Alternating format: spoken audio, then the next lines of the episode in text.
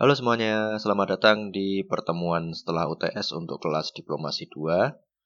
Dan ini adalah kelas pertama di mana kita menggunakan metode voice note dan presentasi yang akan saya kirimkan di sini juga. Uh, sebagai informasi teman-teman nanti setelah perkuliahan dipersilakan untuk cek Spotify karena setelah kuliah nanti uh, voice note ini akan saya kirim ke Spotify dengan sedikit editing supaya bisa lebih diterima oleh publik ya. Jadi informasi-informasi seperti ini nanti ya akan kena edit untuk bisa dikonsumsi publik gitu. Tapi untuk sekarang kita akan masuk langsung ya ke materi yakni tentang diplomasi publik. Silakan teman-teman untuk bersiap-siap dulu. Kita akan memasuki materi yang menurut saya cukup penting karena ia memuat banyak konsep ya di bawahnya. Jadi diplomasi publik ini adalah sebuah konsep yang amat luas. Dan kalau teman-teman menguasai konsep yang satu ini, nanti kalian akan lebih luas untuk memahami konsep-konsep yang ada di bawahnya ya. Kalau kalian dengar istilah gastrodiplomasi, terus dengar istilah seperti para diplomasi, diplomasi budaya, dan kawan-kawannya, itu sebenarnya adalah cabang dari apa yang kita kenal sebagai diplomasi publik. Dan itu adalah topik bahasan kita pada hari ini. Nah, pertama pertama-tama tentu saja kita perlu kenal ya apa itu diplomasi publik dan seperti apa prakteknya di kuliah ini nanti teman-teman akan mengetahui ya apa itu definisi diplomasi publik, apa itu tujuannya, sejarahnya, kemudian bagaimana sih tren diplomasi publik pada hari ini. Oke, kita masuk ke sub materi pertama yakni mengenai definisi. Secara umum, definisi diplomasi publik itu bisa diketahui ya sebagai aktivitas diplomatik yang dilakukan oleh entitas-entitas politik untuk memengaruhi persepsi publik terhadapnya. Panjang ya, jadi gini, entitas politik itu kalau mau gampang kita anggap sebagai ya negara ya, negara itu entitas politik paling mudah, paling apa paling umum yang kita ketahui. Jadi gampangnya adalah aktivitas uh, negara untuk memengaruhi persepsi masyarakat terhadapnya. Jadi kalau kita pahami secara tradisional ya. Ini nanti tradisional dulu, nanti ada yang kontemporer. Kalau yang tradisional sih, dia merujuk kepada aktivitas komunikasi satu arah antara negara terhadap masyarakat di negara lain. Jadi bayangannya gini nih, Indonesia melakukan kegiatan kegiatan-kegiatan diplomasi di negara lain seperti Timor Leste gitu. Tujuannya apa? Untuk memengaruhi persepsi masyarakat Timor Leste terhadap Indonesia. Nah, gambarannya seperti itu ya teman-teman. Jadi bisa kita bayangkan bahwa ada satu negara, kemudian dia melakukan kegiatan di negara lain untuk mengubah persepsinya. Dan tentu saja persepsinya persepsi yang baik kan. Jadi kurang lebih itu. Teman-teman harus pegang dulu definisinya sebelum kita masuk ke varian-varian yang lain. Nah, tapi sekarang ya, diplomasi publik nggak lagi dimaknai secara kaku, dan nanti di akhir perkuliahan kita juga tahu bahwa dia sudah mulai melibatkan banyak unsur-unsur non-pemerintah. Nah, satu lagi, kenapa diplomasi publik itu penting dipelajari teman-teman? Jadi, diplomasi publik ini bukan hanya konsep, namun juga dia dapat dipahami sebagai praktek maupun kajian. Ya, sebagai praktek dia adalah sebuah aktivitas ya yang dilakukan oleh negara, dilakukan oleh pemerintah kepada publik. Dan sebagai objek kajian ini penting ya bagi kita semua bahwa ia bisa jadi topik di skripsi kita, topik di makalah di paper kita, di esai, di mana pun gitu. Jadi diplomasi publik ini bukan cuma konsep biasa, tapi konsep yang besar yang bisa kita pelajari sebagai praktek maupun sebagai kajian. Nah, tujuannya apa? Pasti kalian juga Pertanyaannya ya tujuannya diplomasi publik ini apa sih kok negara maunya repot-repot uh, berdiplomasi sama masyarakat di negara lain.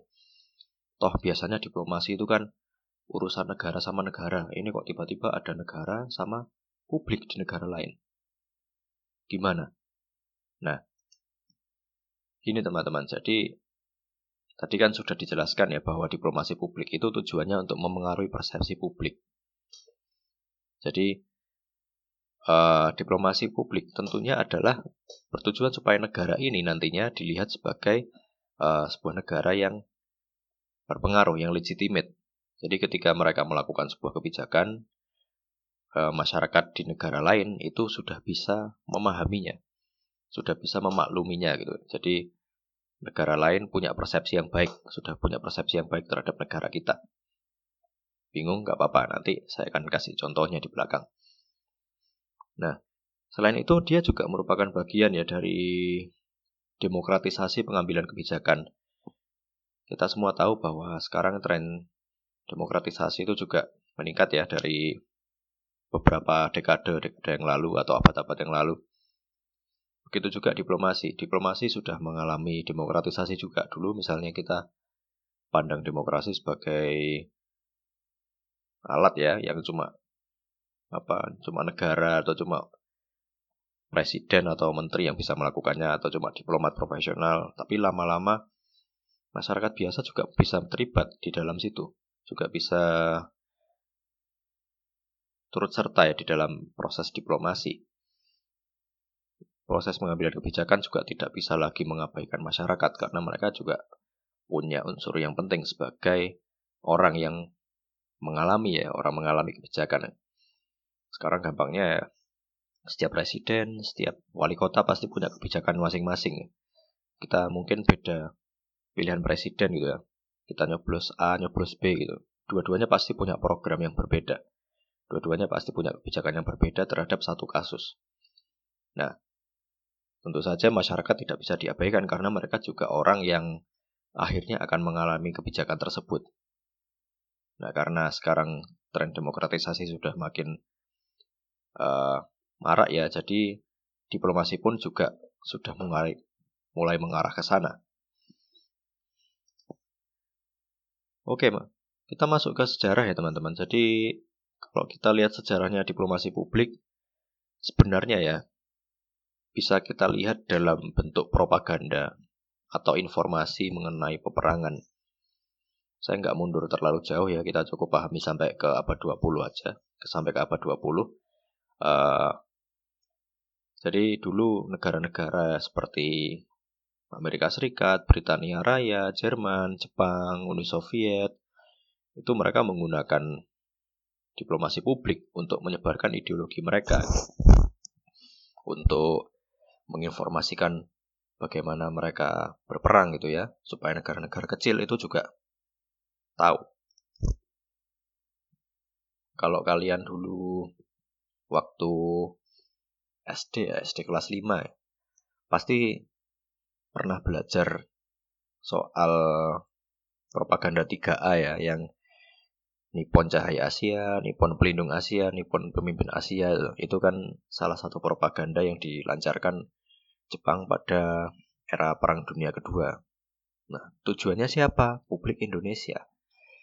Publik Indonesia supaya punya pengaruh ya. Jadi Jepang itu mempengaruhi masyarakat Indonesia untuk menimbulkan persepsi bahwa Jepang itu negara yang baik. Jepang itu adalah negara yang siap untuk melindungi masyarakat Indonesia dari jajahan kolonial Eropa ya, contohnya dari jajahan Belanda pada saat itu konteksnya gitu. Jepang ini datang sebagai saudara tua gitu kalau kata propagandanya pada saat itu.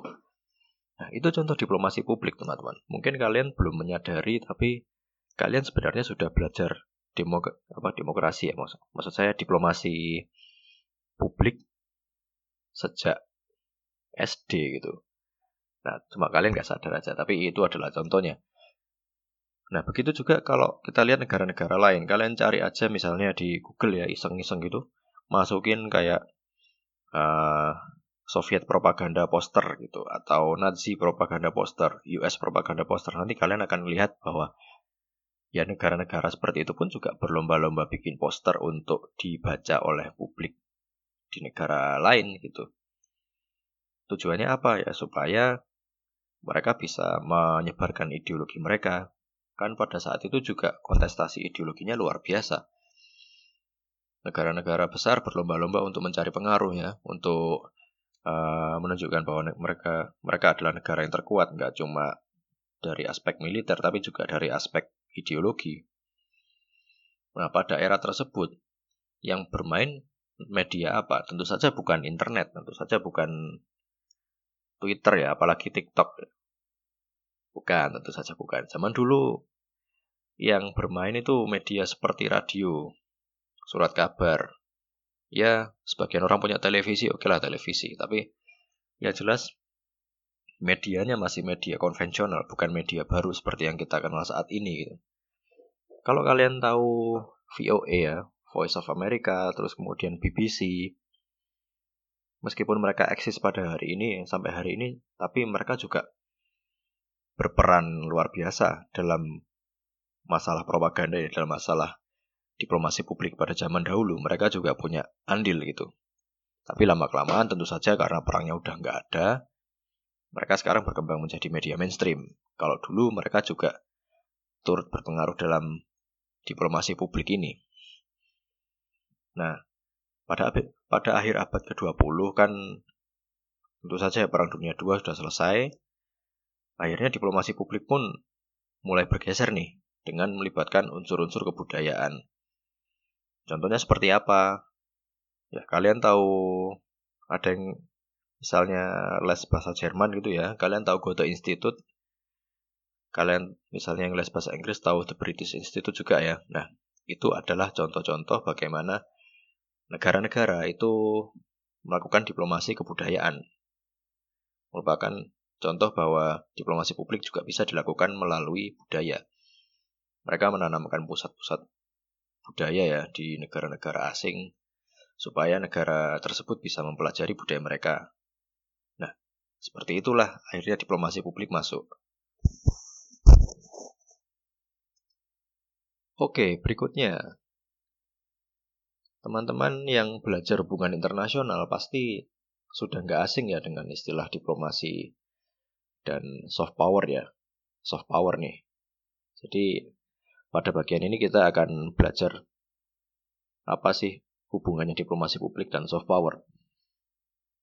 Ya pertama-tama bagi yang kurang familiar dengan soft power, dia adalah istilah yang dicetuskan oleh Joseph Nye ya tahun 2004 kalau mau cari kutipannya. Nah, jadi dia bisa diartikan sebagai sebuah kekuatan power ya, sebuah kekuatan konsep yang sangat sentral dalam hubungan internasional yang tidak melibatkan kekuatan militer. Jadi tanpa adanya penggunaan kekuatan militer, kekuatan yang koersif, namun melalui pengaruh melalui pengaruh ya melalui karisma, melalui ideologi, melalui budaya sehingga negara tersebut bisa uh, menunjukkan citra positifnya ke negara lain. Nah, itulah soft power. Jadi dia kalau kita pakai bahasa awam ya dia bukan soal militer ya, dia bukan soal uh, negara punya kekuatan nuklir, tapi negara yang paling berpengaruh. Tapi negara yang bisa membuat masyarakat dunia itu semacam melihat negara ini dengan cara yang positif gitu. Misalnya nih, untuk membedakan hard power sama soft power gampangnya kayak gini nih. Kita lihat Korea Utara ya. Korea Utara itu kurang militeristik apa itu negaranya. Salah satu haluan politik luar negerinya aja, aja anu kan apa military first gitu. Mereka punya konsep military first yang membuat uh, angkatan bersenjata mereka menjadi prioritas. Tapi coba bandingkan bagaimana cita, citranya mereka dibandingkan dengan tetangganya Korea Selatan gitu. Hallyu Wave itu. Terus eh, drama-drama kan nggak ada drama Korea Utara ya. Kecuali kalian udah pernah nonton saya nggak tahu. Tapi ya itulah negara-negara umumnya melihat Korea Utara bukan sebagai negara dengan soft power yang uh, mumpuni dengan soft power yang bagus gitu akhirnya ya citra mereka di dunia internasional cenderung negatif. Nah itulah yang membedakan antara hard power dan soft power. Nah sekarang masalahnya adalah negara nggak lagi cenderung pada penggunaan hard power semata sebagai senjata utama untuk mendapatkan pengaruh. Akhirnya diplomasi publik digunakan menjadi metode untuk memaksimalkan soft power ini. Tapi ya namanya power sebagaimana hard power ya, soft power itu juga bermuara pada kepentingan nasional negara bersangkutan. Jadi semuanya pasti dikembalikan pada kepentingan nasional. Kan nggak mungkin tuh sebuah negara itu uh, melakukan diplomasi publik tapi nggak punya tujuan. Pasti ada tujuannya, pasti ada ya udang di balik batunya kalau kalau bahasanya orang awam ya gitu. Tapi bukan berarti itu suatu hal yang buruk. Nah, globalisasi juga meningkatkan keterhubungan dan membuat diplomasi publik itu menjadi kian lazim ya, kian normal. Karena sekarang siapa sih yang nggak terhubung ya? Semuanya pasti uh, ya to some extent terhubung entah dengan internet, entah dengan teknologi informasi lainnya. Dan globalisasi meningkatkan keterhubungan itu. Diplomasi publik pun jadi se sebuah praktek yang amat lazim bagi kita semua. Mau contoh paling gampang ya Hallyu tadi tuh. Hallyu itu udah contoh paling enak lah ya kalau kita mau jelaskan soft power dan diplomasi publik itu. Kenapa hal itu? Karena ya saya yakin yang mendengarkan ini juga banyak yang K-popper ya. Jadi kita relevan kalau mau angkat Hallyu. Korea Selatan ini bisa sepakat ya kita bahwa dia adalah negara yang diplomasi publiknya itu cukup sukses Bahkan tahun 2010 yang lalu, diplomasi publiknya Korea Selatan ini sudah diakui sebagai salah satu pilar oleh Kementerian Luar Negerinya mereka. Jadi sekarang mereka punya tiga pilar utama, yakni diplomasi politik, diplomasi ekonomi, dan diplomasi publik. Jadi bukan sebuah hal yang dikesampingkan lagi bagi mereka.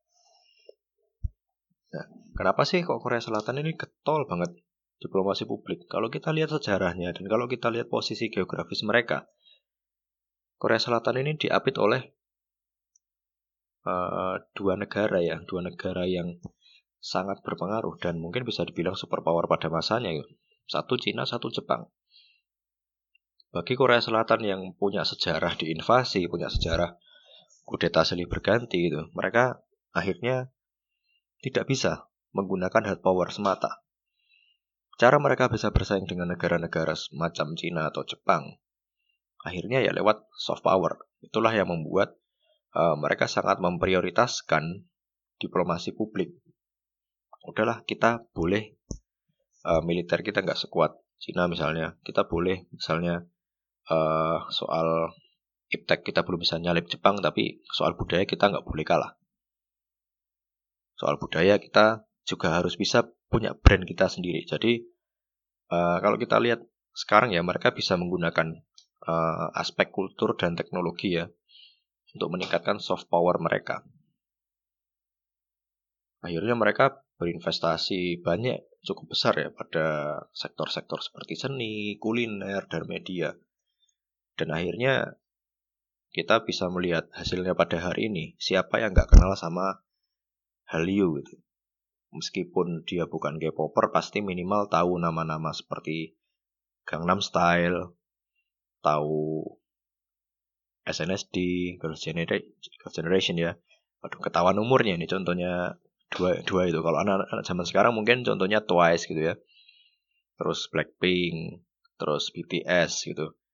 Kalau zaman saya dulu waktu kuliah ya, yang lagi ngetren SNSD, Super Junior, sama saya gitu saya sendiri bukan K-popper tapi paham gitu. Karena ya Hallyu Wave itu sedemikian kuatnya.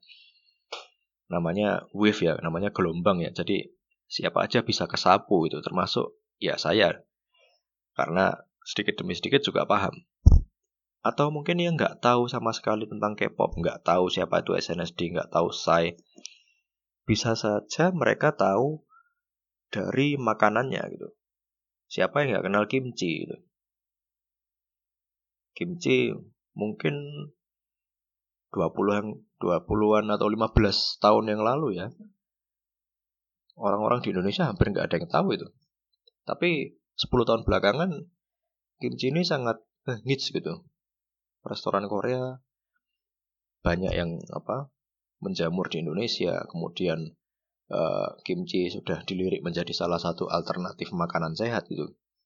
Kan dari sayur ya, dari sawi itu. Terus perlahan-lahan makanan seperti gimbap sudah bisa menyaingi sushi gitu. Atau makanan seperti bibimbap, terus uh, ramyeon gitu. Sudah mulai dikenal oleh masyarakat. Nah, itu contohnya bagaimana Korea Selatan menggunakan diplomasi publiknya. Bukan lewat cara-cara militeristik, bukan lewat apa pamer kekuatan nuklir, bukan lewat uh, invasi, tapi dengan cara meningkatkan kapasitas kebudayaan mereka. Itulah kerennya Korea Selatan ya. Jadi bisa kita bilang bahwa Korea Selatan ini salah satu contoh the power of kepepet gitu kalau saya sering bilang. Dia posisinya kurang beruntung ya diapit sama negara-negara yang hebat-hebat ya Cina, Jepang, terus mereka juga punya tetangga namanya Korea Utara gitu. Akhirnya alternatif yang mereka gunakan justru membuat mereka sebagai negara yang sangat dikenal pada hari ini. Oke lah, kalau soal teknologi, uh, ya mungkin mereka sekarang sudah bisa mengejar ya, tapi dulu mungkin mereka masih kalah sama Jepang, sama Jerman. Soal militer mereka kalah sama Amerika Serikat. Tapi kalau soal budaya boleh diadu. Saya yakin mungkin di Amerika Serikat juga banyak K-popper, ya kan? Itulah suksesnya Hallyu dan diplomasi publik. Nah, terus hal yang perlu kita pahami berikutnya adalah bagaimana sih diplomasi publik kontemporer. Tadi kan kayaknya kita belajar soal uh, diplomasi publik yang dari negara ke masyarakat ya. Kalau sekarang ternyata agak bergeser. Jadi kemajuan teknologi informasi itu membuat diplomasi makin berevolusi. Jadi yang dulu metode-metode yang nggak terbayang sebelumnya sekarang sudah menjadi mainstream. Orang-orang dulu nggak punya Twitter, sekarang para presiden, diplomat pakai Twitter untuk mengabarkan apa yang terjadi di negaranya. Terus ada internet juga. Ada internet akhirnya membuat kelompok-kelompok yang tadinya tidak diperhatikan sekarang menjadi diperhatikan. Sehingga diplomasi publik kontemporer nggak lagi terfokus pada negara, namun pada aktor-aktor baru. Contohnya seperti apa? Misalnya individu. Kedua, organisasi regional. Contohnya kayak Uni Eropa, ASEAN. Terus yang ketiga, ada organisasi non-pemerintah. Contohnya seperti apa? LSM, Greenpeace atau atau WWF paling gampang. Ini WWF yang World Wildlife Fund ya, bukan World Wrestling Federation ya beda.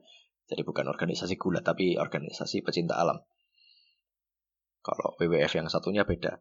Uh, terus ada lagi unit-unit politik subnasional. Contohnya seperti apa? Provinsi, kota, negara bagian, Nah, ini nanti akan membawa kita pada konsep para diplomasi. Nah, ini konsep baru lagi ya namanya paralel diplomasi.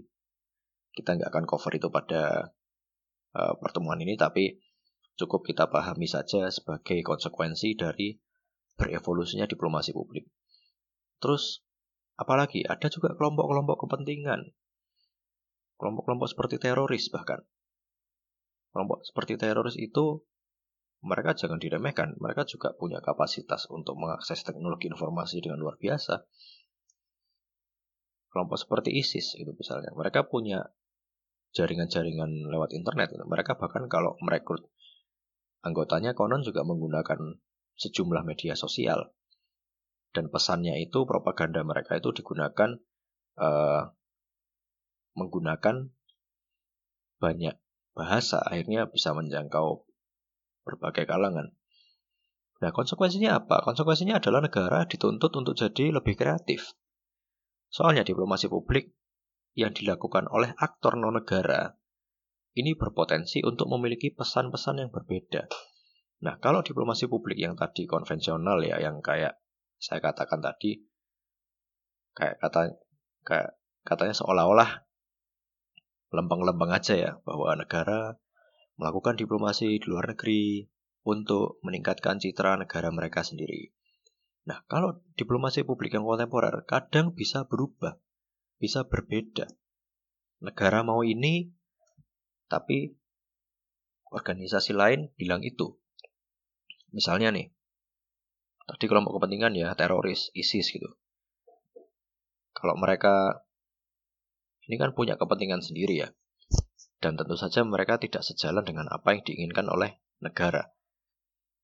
Di situlah perbedaannya. Terus jangan salahkan juga. Ada juga seperti uh, unit politik subnasional seperti provinsi tadi. Mungkin kalau provinsi belum tentu ya, tapi kalau negara bagian atau uh, negara daerah otonom gitu, daerah otonom.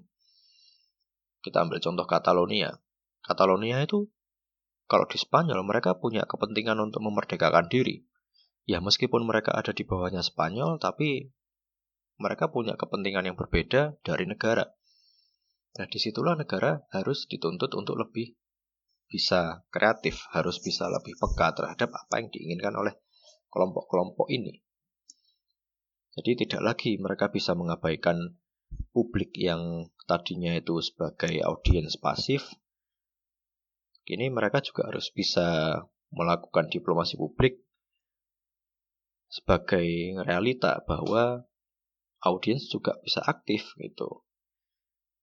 Publik nggak cuma diem aja, publik juga punya uh, kepentingan mereka sendiri. Akhirnya mereka harus bisa menyeimbangkan antara keduanya. Mereka sudah mulai dipertimbangkan ya jadi aktor diplomasi. Nah, pertanyaan yang mungkin muncul dari kalian adalah, bisa nggak sih aktor-aktor non-negara itu dianggap sebagai aktor diplomasi publik? Jawabannya bisa, bisa banget.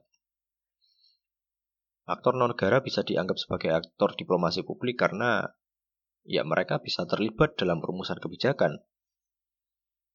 Meskipun nggak terlibat langsung, tapi mereka bisa mempengaruhi proses perumusan kebijakan. Karena mereka punya komunikasi dengan negara tadi, misalnya kelompok teroris. Kelompok-kelompok teroris pasti juga memiliki tuntutan-tuntutan tertentu yang membuat sejumlah negara harus mengubah kebijakannya.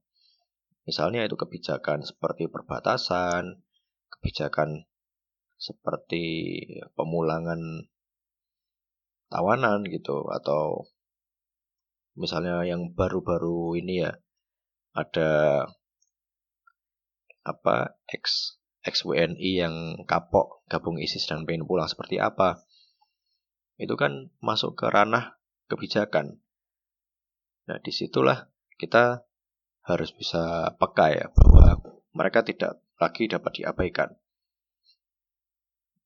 Yang membuat aktor-aktor non-negara ini istimewa adalah mereka dekat dengan ruang publik. Ya, jadi mereka bisa menangkap apa keinginan publik karena posisi mereka lebih dekat. Kalau negara kan terkesannya agak jauh gitu ya. Negara kadang tidak tahu apa yang terjadi di tataran masyarakat bawah karena mereka juga ya terlalu besar untuk ngurusin urusan kecil dan terlalu kecil untuk ngurusin urusan yang besar. Nah, jadi organisasi-organisasi kemasyarakatan, kemudian perkotaan, individu itu punya keunggulan dalam bidang informasi.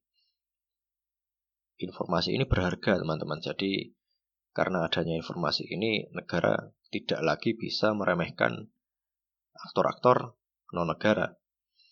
Sehingga mereka pun juga membutuhkan sebuah proses konsultasi yang yang konstan ya, yang tetap ya. Mereka juga membutuhkan diplomasi publik yang sifatnya dua arah. Negara tidak hanya memberikan apa ya, memberikan pengaruh. Negara tidak coba untuk untuk menciptakan image yang baik kepada publik, namun publik juga bisa menunjukkan apa sih keinginan mereka kepada negara. Nah, di situlah trennya bergeser menjadi dua arah. Kalau boleh saya simpulkan teman-teman, jadi ada ber, berbagai perbedaan ya antara diplomasi publik di era konvensional dan diplomasi publik di era kontemporer. Yang pertama, diplomasi publik konvensional itu sifatnya dia nggak punya. Uh, maaf ya, maksud saya gini. Diplomasi publik konvensional dia punya batasan yang jelas. Maksudnya adalah ya udah dia punya batasan yang jelas antara ruang politik domestik dan ruang politik luar negeri. Sedangkan kalau diplomasi publik kontemporer, dia tidak punya batasan yang jelas. Batasannya bisa campur aduk. Apa yang jadi urusan domestik bisa mempengaruhi urusan luar negeri, dan apa yang menjadi urusan luar negeri tidak bisa dilepaskan dari konteks domestik. Sehingga poin kedua adalah kalau yang konvensional, yang lama, diplomasi publiknya satu arah. Ya udah negara bikin propaganda, itu kan satu arah ya negara bikin promosi ke masyarakat di negara lain. Itu satu arah. Tapi kalau diplomasi publik yang baru, yang kontemporer, sifatnya adalah polisentris. Maksudnya adalah dia melibatkan banyak uh, pusat ya, dia melibatkan banyak aktor. Jadi nggak cuma negara ke publik di negara lain, tapi bisa jadi publik di negara lain mempengaruhi negara gitu. Negara juga bisa berkonsultasi dengan publik di negara lain untuk menciptakan uh, sebuah kebijakan publik, kebijakan luar negeri yang lebih memperhatikan kepentingan publik. Jadi kalau yang lama satu ke banyak, satu aktor ke banyak masyarakat ya. Kalau yang kontemporer dari banyak kepentingan ke banyak aktor juga. Kemudian kalau konvensional dia pakai media tradisional ya. Kita tadi udah dengar kayak radio, poster propaganda, terus kemudian ada juga yang pakai koran. Kalau yang publik kontemporer, mereka pakai media digital.